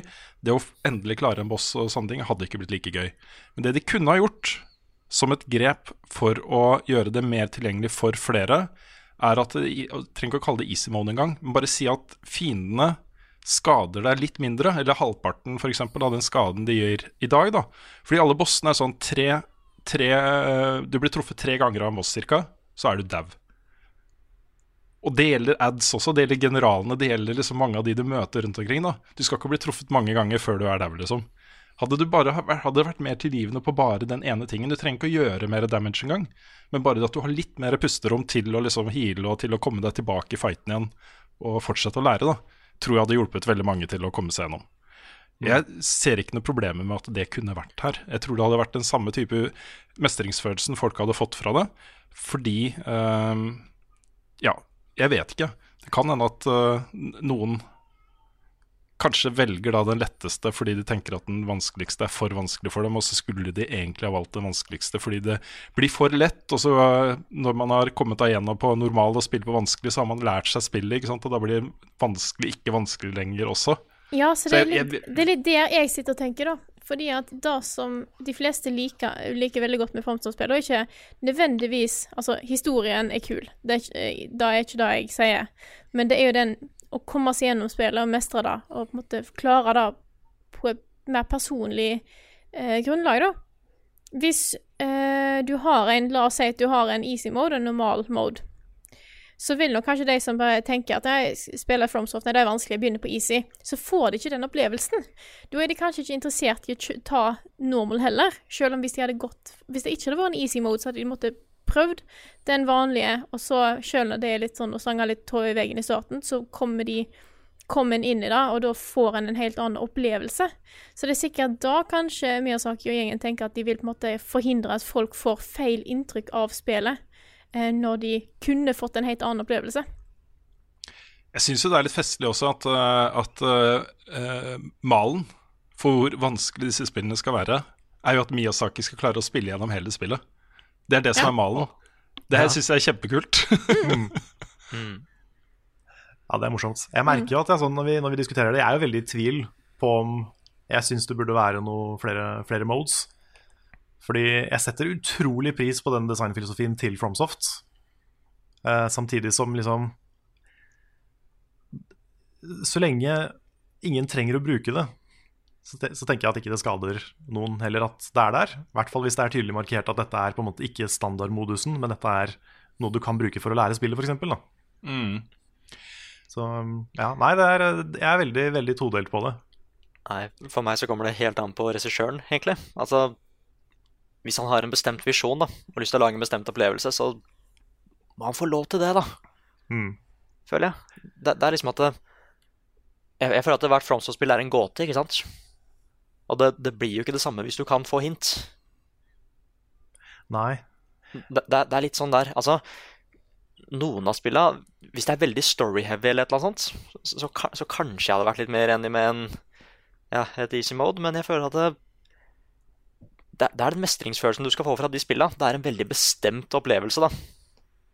Og en bestemt belønning for det òg. Mm. Og da føler jeg at det, blir- det blir kanskje litt slemt for Miyazaki, eller i hvert fall litt dårlig gjort, hvis han er nødt til å begrense opplevelsen sånn med en lettere vanskelighetsgrad. da. Ja, jeg ville, jeg ville aldri liksom sagt til Miyazaki eller noen andre at dere må putte inn en easy mode. Mm. Det måtte vært hvis de mente det, var, mente det sjøl, at det var en god idé. Ja. Men så tenker jeg sånn Jeg vet ikke hvor Altså, til en viss grad så er jo FromSoft-spill bra fordi de er vanskelige, men de er også bra av 100 andre grunner. Mm. Og det er litt synd at de som ikke takler den vanskelighetsgraden, ikke får med seg alle de andre måtene de spillene er bra på. Ja, det er sant. Så det handler jo litt også om accessibility sånn sett, da. Ja. Det er jo et poeng også, eh, kanskje det beste poenget for å tilby eh, noen lettere modes i den type spill. Og det er jo, fins jo folk med eh, bevegelseshemmelser og sånne ting som eh, i, er teknisk umulig for dem å komme gjennom et spill som Sekiro. Det er helt umulig. De kan ikke engang get good. De har ikke muligheten til å gjøre det, liksom. Eh, som blir ekskludert da, fra en del spilleopplevelser eh, som dette er. Mm. Og det er kanskje en sånn ting som man burde tenke litt på eh, i den diskusjonen. Mm. Men det, det er en litt sånn interessant øvelse også. Hvis Sekiro hadde kommet med en normal og en vanskelig vanskelighetsgrad, er jeg ikke sikker på altså, hva jeg hadde valgt. Om jeg hadde Nei, hvis foretrukket å spille gjennom på normal først, og så kanskje ta hard etterpå. Jeg tror jeg heller ville at jeg skulle sette opp som easy og normal, for å vise at måtte... Ja. no, Ja, kanskje det. ja, mm. Ja, for jeg føler den vanskelighetsgraden som er i Sekiro nå, den, den kan fint være normal. Den er Ja. grisevanskelig, men, men kall den normal, liksom. Mm. Og heller kall, kanskje ikke kall det easy mode, men kall det practice mode. Kanskje begrens det til de første par timene av spillet, at du bare kan spille de. For eksempel, da. Og så må du hoppe over på normal for å komme deg videre. Ja, men for å ta, ta Sekiro, det er et godt eh, poeng, Carl. Fordi jeg tror det er mange som spiller det eh, feil. Og det er kanskje litt um, kvalmt av meg å si det, men jeg gjorde også det. Og Jeg er jo i 20 timer. Ikke sant? Og min tanke der i starten var at ok, endelig ferdig med dette området her. Jeg har slitt så mye med, og da snakker vi om det første området. Og de første områdene. En, mm. å, endelig ferdig. Nå trenger jeg ikke gå tilbake dit med det første. Vi går videre, ikke sant. Og møter nye fiender eh, med mer eh, HP og kraftigere fiender og ikke sant? nye bosser og ting er bare fortsetter å være vanskelig, ikke sant. De første områdene i dette spillet, og de første bossene, i hvert fall et par av de, er der for å lære deg spillet. Og ta deg god tid, liksom. Bruk tid i disse områdene. Ta alle fiendene. eh, øv på parrying og, og sånne ting. Øv på teknikkene du skal bruke i dette spillet. Godt. Så blir resten lettere også. Og du fortalte jo, Carl, at når du begynte på din runde nummer to, så kunne du fise gjennom de områdene, ikke sant? Mm. Det er sikkert fortsatt en del fiender som er utfordrende fordi de er lange og teknisk utfordrende. Men det å på en måte komme seg gjennom spillet er ikke den der kampen da, som det også var for oss i starten. ikke sant? Så, så det handler, og det er Jeg vet det er mange som ikke tror på det, men det, disse spillene her, det handler så mye om å bare lære deg dem. Og ta deg tid til å lære. Vær tålmodig. For de aller fleste så vil det falle på plass til slutt. Og i eh, alle de FromSoft-spillene jeg har spilt, så har de startområdene vært det. Det har vært den læringsplassen. Uh, med Jarnam eh, i Bloodborne, f.eks. Som ender med et par bosser. Men mellom der er det jo masse andre fiender også. Og når du har tatt alle de fiendene, Og du gjør det jevnlig, for du må gjennom de samme områdene, for du dør på bossen. ikke sant? Så du må gjennom der igjen og igjen og igjen. Når du har tatt alle de fiendene, og tatt bossen, så har du lært det nok til å komme deg gjennom spillet. ikke sant?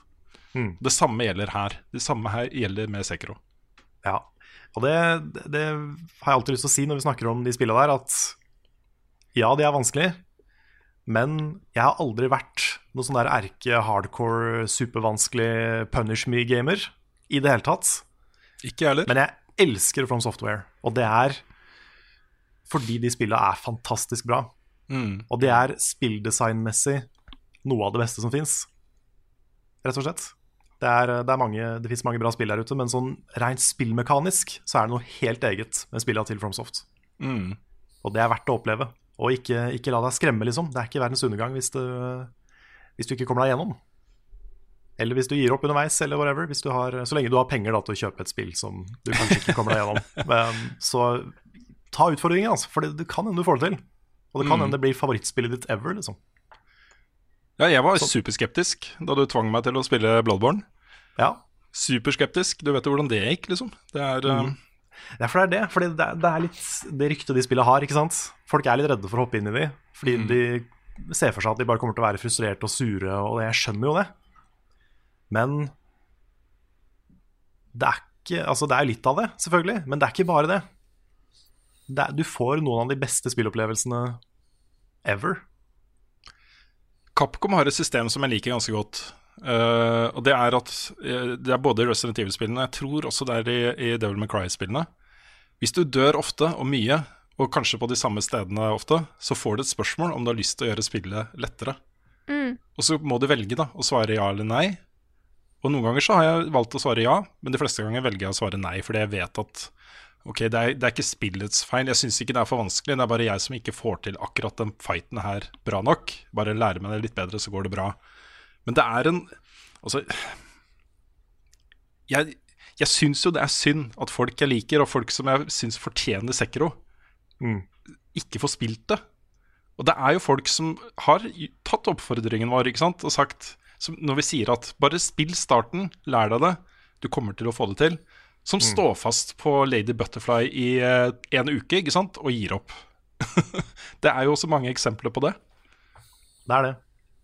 Ja, fordi jeg ville aldri, eh, bare som for å konkludere det litt det jeg sa i stad runde ville- denne diskusjonen her veldig snart. Ja, I know. Vi, um, jeg ville aldri sagt til en spillutvikler, i hvert fall ikke FromSoft, at uh, dere må forandre uh, filosofien deres. For jeg har massiv respekt for filosofien til FromSoft, måten de designer spill på.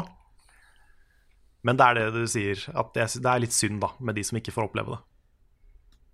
Det er, det er, den, eneste, det er, det er den ene ulempen med det. Mm. Og jeg vet ikke hva som er den beste løsninga på det, hvis det skal løses. Da sier vi at siste ord er sagt i den sammenhengen der. Kan jeg få lov til å si én siste ting? Yes.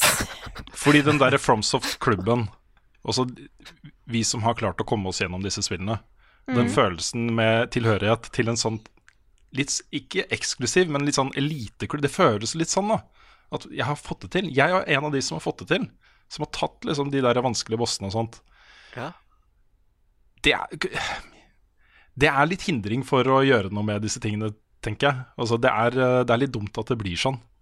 Fordi eh, det er jo en del, del, Hvis jeg skal være helt ærlig med meg selv, så vil jeg jo personlig ha disse spillene så vanskelig, ikke sant?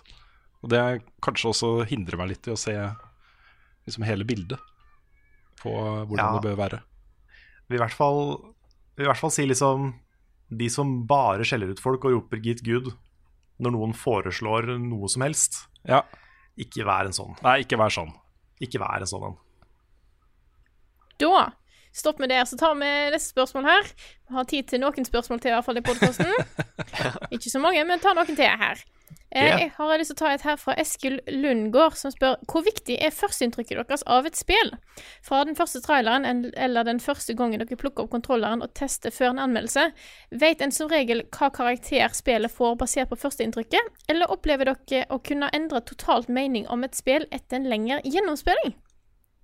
Den andre. Yes. Ja. den andre, uten tvil. Det er en grunn til at vi som regel eh, i hvert fall ønsker å spille gjennom hele spillet før vi kommer med en anmeldelse. Og det er jo fordi at veldig mange spill, spesielt storytunge spill, er veldig avhengig av hvordan det går utover spillet. Noen Mm. spill endrer jo fullstendig karakter òg.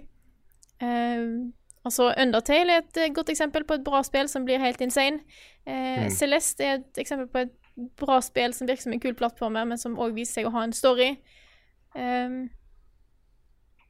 det, det var de to jeg hadde akkurat nå. Dere kan gjerne Ja. komplementere. hvis dere vil. Nei, det er, det er helt, helt enig. Det er uten tvil det er veldig veldig mange spill som ikke viser seg fra sin beste eller verste side eh, før lenge uti. Og det føler jeg er viktig å få med seg. Hvis jeg ikke anmelder et spill, så kan det hende at jeg gir meg tidlig. Mm. Ja, det er Fordi også et da- poeng. Ja, for Ja. da handler det jo mer om liksom hva jeg bruker fritida mi på. Mm. Så det er ikke sikkert jeg er like tålmodig. Men til anmeldelser så prøver jeg alltid å komme til rulleteksten. Mm. Jeg, jeg syns det er flott da, at spillmediet er der, hvor eh, vi kan tenke at uh, førsteinntrykket ikke nødvendigvis er betegnende for hele opplevelsen. Og det er mange, mange gode eksempler på, uh, på akkurat det. Um, men det er også Det har vært et par tilfeller fra liksom gamle dager i VG hvor uh, eh, det var to spill som uh, var universalt slakta. Alle hata dem. Um, The Getaway på PlayStation 2 og, og det derre Tomb Raider-spillet, hva var det det het igjen? Tomb Raider uh, et eller annet. Var det fjerde eller femte Tomb Raider-spillet? Jeg husker ikke helt hva det het. Det var ikke Angel of Darkness? eller? Angel of Darkness. Ja. Um, jeg runda begge de to spillene, og det skjedde noe sånn ca. to tredeler ut i begge de to spillene, hvor det faktisk begynte å bli ganske bra. da. Det var ikke sånn at jeg hylla disse spillene. Jeg ga de terningkast fire, tror jeg, begge to. Kanskje treer til Angel of Darkness. Men det var ikke den der slakten. altså Mitt helhetsinntrykk av det spillet var ikke like dårlig eh, som det hadde vært i starten. Hadde jeg satt meg ned etter to timer med de spillene, så hadde jeg sagt akkurat det samme som alle andre sa. Men det at jeg kjempa meg gjennom det, eh, og etter hvert fant noe å like dem, eh, som, som jeg genuint mener var der Det var ikke bare det at jeg ville se det, men jeg genuint mener det var der. Um, viser jo hvor viktig det er å faktisk prøve å komme seg gjennom disse tingene her. Det er, Ja. det er helt sant, men det som, det som jeg òg har lyst til å fornevne her, er hvor viktig et førsteinntrykk er. Fordi at jeg er spesielt er jo veldig eh, Nå har ikke jeg alltid tatt de aller største spillene, i hvert fall i det siste. Jeg tar mye indiespill. Eh, og hvis jeg da eh, Hvis jeg på en måte, er på leit etter nye spill og bare ser hva som er, så er det på en måte veldig viktig for meg å få, få et, få et godt førsteinntrykk av det spillet. Hvis ikke så er ikke jeg interessert i å fortsette å bruke tida mi på det. Eh, rett og slett. Nei, Så- Nei, det er ikke alltid et kompliment for et spill at eh, det blir bra etter 20 timer. Det, det er også et poeng, da. Det er, også det, er jo, poeng. det er ikke nødvendigvis noe vi trekker voldsomt opp for, hvis, det, hvis det er lagt opp på den måten. Nei. Men, eh, men det finnes jo mange eksempler opp igjennom på spill som har blitt dømt altfor negativt eh, fordi det var noe nytt som ikke folk helt forsto. Eh, for eksempel Demon Souls, Earthbound, fikk ganske dårlig omtale, men er jo nå sett på som et sånn klassisk ti av ti-spill. Mm. Eh, kanskje fordi det var noe litt annerledes og folk dømte det for tidlig, og kanskje ikke spilte langt nok til å komme til de virkelig store delene av det. Så um, nei, jeg, jeg syns det er viktig å få med seg helheten. Kan jeg si et eksempel òg, eller? Ja, ja, Selvfølgelig, kjør på. Kjør på, Nick. Ja, okay, fordi jeg Det er jo Av alt jeg har anmeldt, så har det bare vært ett spill hvor jeg holdt på å gi opp, ikke sant? Jeg holdt på å spørre Rune og Carl at er jeg nødt til å ta Divinity Original Sin 2? For jeg Mm. kunne ikke fordra de første tre-fire timene, ikke sant?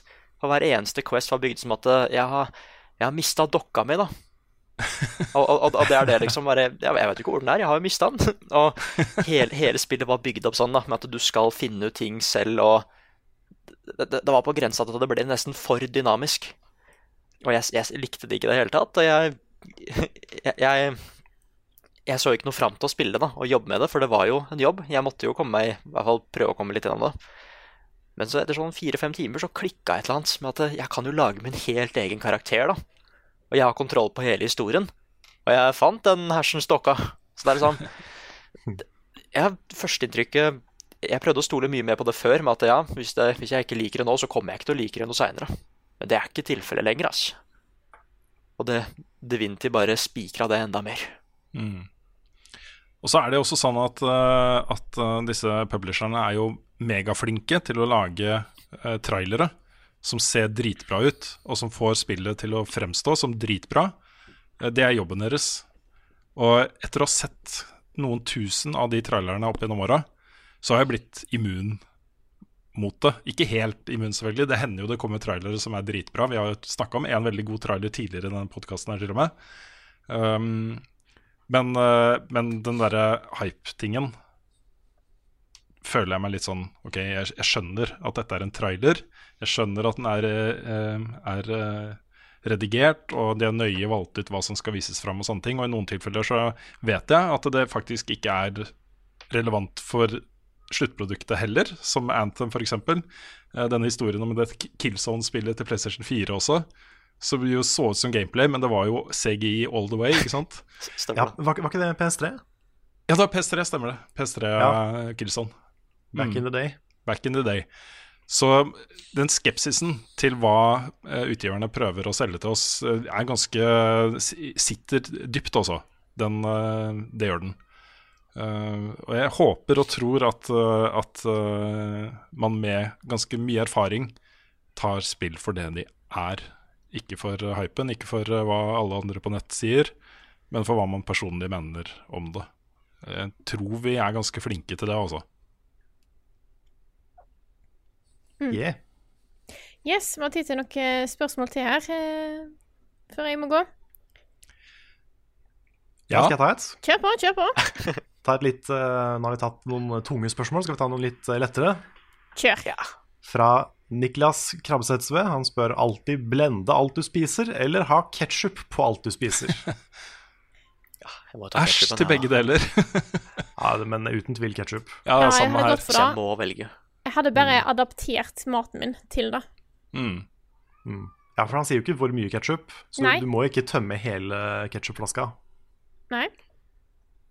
Men ketsjup og tomatsuppe, det er jo litt spesielt. Ja, men det hadde jo gått. Ja, det hadde gått. Mm. Det hadde gått, ja. Men det hadde jo blitt en rar tomatsuppe. Jeg har eh, tabasco i min eh, tomatsuppe. Hmm. Litt ekstra punch. Ja. Nei, men, men å blende alt det, altså, Da føler jeg at jeg aldri hadde blitt ordentlig mett. Nei. Altså, Du blir jo mett, men du, blir jo ikke, du føler deg ikke mett så ofte. Nei. Mye da ser jeg altså, Jeg tror ikke ting smaker helt det samme når du har blenda det, altså. Nei, drikke all maten du Nei. Nei. Nei. Kan jeg ta noen eh, kjappe? Yes, kjør på. Eh, et spørsmål her fra uh, jeg, jeg tror ikke dette er fødenavnet hans eller hennes. Jo, det er Mister, så det er en han. Mr. Zogs Sexwax Ja. på Patreon. Har dere planer om å finne på noe gøy med Hasse Hope igjen? Duellen fra 2015 var veldig underholdende og står fortsatt som noe av det eh, beste på kanalen deres. Mye pga. Hopes teite humor. Eh, vi snakker med Hasse innimellom, og har veldig lyst til å gjøre noe med han. Jeg kan jo spoile eller komme med litt sånn inside info. Eh, dette TV-programmet som vi skulle hatt i fjor høst, der var det jo en spalte med Hasse Hope. Og det ble jo ikke noe av. Så. Nei, dessverre. Men uh, vi har veldig lyst til å gjøre noe sammen. Han har også sagt at han har lyst til å gjøre med oss, så det kommer helt sikkert til å bli mer. Um, og så har jeg lyst til å gi en kjapp kommentar til Arve Nubdal, uh, som spør Trenger dere å ha et nyhetssegment i både podkasten og spilluka. Vet ikke om dere har uh, Ja, så kommer det et eksempel på en annen måte å gjøre det på. Trenger ikke å ta akkurat den. Uh, men det er jo en ting som vi har snakka litt om og tenker litt på, fordi det blir jo litt repeat. Eh, utgangspunktet vårt er at vi vet uh, det ikke er 100 overlapp her. Det er noen som bare hører podkasten, det er noen som bare ser spilluka. Og tanken da om å ha et, et uh, utfyllende nyhetssegment i begge er liksom basert på det. da. Men det kan jo hende at vi kan prøve å se på forskjellige formater etter hvert. Kanskje komme med to podkaster i uka. En nyhetspodkast som er spilluka, og en podkast hvor vi snakker om andre ting. Ikke sant, Hva vi har spilt, og kanskje diskutere ukas sak eller et eller annet. Så kanskje. Vi skal, vi skal kikke litt på den, fordi det er litt dumt at det blir liksom litt overlatt der. Jeg har en, eh, kort, en kjapp en her også fra Rune Småbråten, som jeg ikke hadde fått med meg selv, men som jeg syns høres litt morsomt ut. Ok Onkel Jostein fra Rad Crew har utfordret meg, altså meg, til wrestlingkamp. Tar du utfordringen? du, jeg har sett alle de treningsbildene til Jostein. Jeg vet hvor mye han benker. Jeg tror ikke jeg skal prøve meg i ringen med Jostein. Men uh, Nei. Du må også passe på at du har bra helseordninger der. For jeg så en episode av Last Week Tonight hvor de snakka om hvor, hvor dårlige forhold det er for eh, wrestlere. Ok? Så det må vi passe, det må vi passe på. Ja, ja, ja. Nei, men jeg har tenkt litt på det, og eh, tanken eh, ble jo litt født under, eh, under eh, Tiltcast. Var det ikke det? Hvor, eh, hvor eh, Alexander Hakstad, broren til Jostein, kommer inn og har sånn wrestling-greie. Det var det noe annet? Jo, ja, stemmer. Stemmer. Ja, Og stjeler Magnus fra Lolbua over til Rad Crew. Det var, det var tatt rett ut av wrestling-håndboka.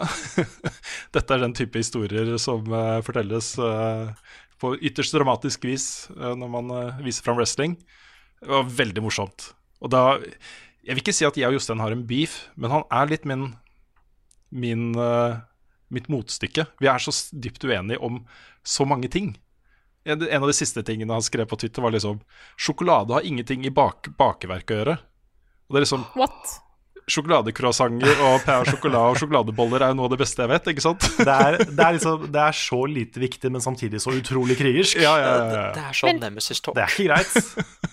Teller du kaka som bakverk? For i så fall eh, Nei, jeg eh, mener, mener så gjærbakst, var det Ok. jeg mente. Han tar feil Mm. der òg, skjønner du. Så det Ja. Ja. Altså, det, Nei, altså, jeg, jeg syns det er morsomt, alle de tinga vi er uenige med Jostein om. Så det, jeg tror vi kunne laga en veldig bra debattpodkast med Jostein. ja. Ja, men jeg tror også det hadde vært morsomt hvis vi hadde tatt en litt sånn Andy Kaufman-greie på det også. Det Ja, er Kanskje dumt å si Andy Kaufman-greie, da. Da Skjønner jo folk at det bare er skuespill, for, i motsetning til da ekte wrestling, som jo er 100 ekte um, hele tiden. Mm. Så, men det hadde vært morsomt. Men det er litt sånn derre uh, Hva heter den derre M. Night Shamalaya-filmen om Glass og Med Bruce Willis og Unbreakable. Unbreakable. Ikke sant? Hvor du har de motstykkene. ene er uknuselig, andre er knuser lett som ingenting. Ikke sant? Mm. Det er litt sånn Vi er hverandres motstykke. Litt sånn yin-yang. Ja. yin. Dere får finne ut hvem av dere som er The Unstoppable Force, og hvem av dere som er The Movable Object. Ja, Da må jeg begynne å pumpe litt jern, tror jeg. Ellers så tar eh, Jostein den uh, ganske lett, tror jeg. Ja. Mm. Men vi er gode venner også. Og jeg liker Jostein, og jeg liker Rad Crew, og det er ikke noe bad blood her. Det er bare han provoserer meg litt noen ganger. Nei, absolutt. Jeg er veldig, veldig glad i Jostein. Mm.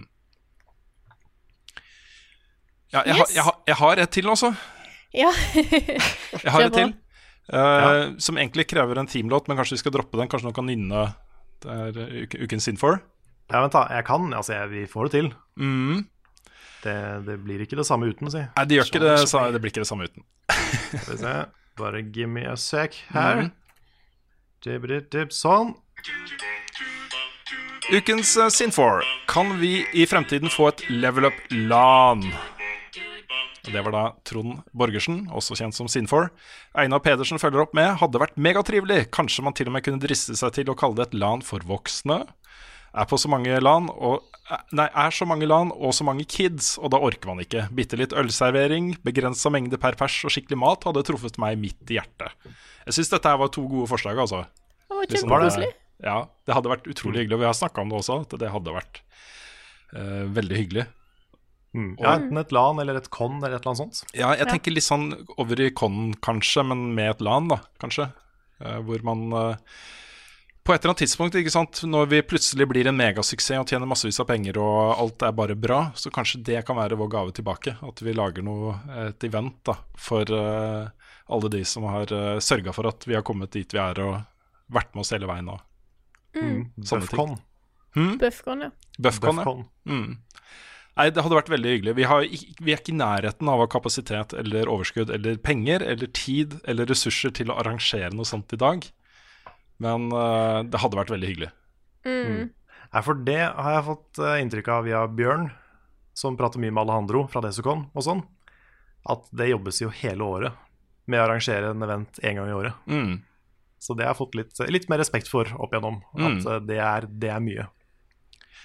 Det er veldig mye. Greit, da har ikke jeg notert flere ting. Nei, da, hvis det er noen av dere andre som har spørsmål, så er det bare til å slå seg løs. Jeg syns Rune rensa opp ganske bra. Har du Jeg ble litt stressa, vet du, for du hadde så lyst til å avslutte podkasten. Det var så mange gode spørsmål jeg hadde lyst til å ta opp. Så Nei, jeg sa ikke vi skulle avslutte. Jeg sa, vi, jeg sa bare at vi kan ikke holde på i en time til. var vel Nei, det kan vi ikke. Nei. Det kan ikke jeg heller. Nei. Nei, nei, jeg hadde bare den ketsjup-greia, så it's all ja. good. Sorry, Nick, at jeg tok den fra deg. Nei, det går fint, vet du. Nei, Men da tror jeg egentlig Egentlig vi har det. det. Jeg kommer ikke på noe mer jeg har lyst til å ta opp da. Nei. Da? Da ble det masse, ble det masse sikkerhetsprat i dag òg, men det ble i hvert fall et, et tema. Ja. Mm. I agree. Og med det så har jeg veldig lyst til å ønske en stor eh, Ja, sende en stor takk til våre kjære Patreon-backere. Eh, dere er de som gjør at vi kan holde oss gående. Så det setter vi utrolig stor pris på. Så hvis du har lyst til å bli en del av den fantastiske gjengen som Patreon-backerne våre er, så er det bare til å gå inn på patreon.com slash levelupnorge. Norge. Eh, og støtte oss med det beløpet du eh, har lyst til der. Kan du da bare nevne Fordi det er folk, jeg tenker, folk som bare hører podkasten, Ja. tror vi det er det, det er det vi liksom Det er det Patron er. Men vi gjør jo masse andre ting. Vi jobber jo hver dag med å lage videoinnhold og podkaster om spill. Altså det, det er det vi gjør hele tiden. Så det er ikke bare det at vi setter oss ned én gang i uka og lager en podkast. Det er ikke det vi Ja. Nei, nei, nei, nei, nei. Det er jo masse anmeldelser, videoer, Let's Play streams. You name it. Yes, og hvis du, hvis du liker. Ja. Sorry. Nei, hvis jeg ferdig. avbryter. Ok, Nei, hvis du, hvis du liker podcasten, så tror jeg at du kommer til å like det andre òg. Mm. Mm. Tror det. Så hvis du bare hører på podcasten, bare, bare ta en titt på det andre. For det er mye, det er mye vi lager. Yes. Og hvis du er patronbacker, så er du med på å støtte alt. Alt sammen, Det er du. faktisk. Oh Så det er jo uh, the dream. Og med det så sier jeg tusen takk for oss. Eh, takk for at du hørte på denne episoden her av Level Backup. Og så snakkes vi igjen neste uke.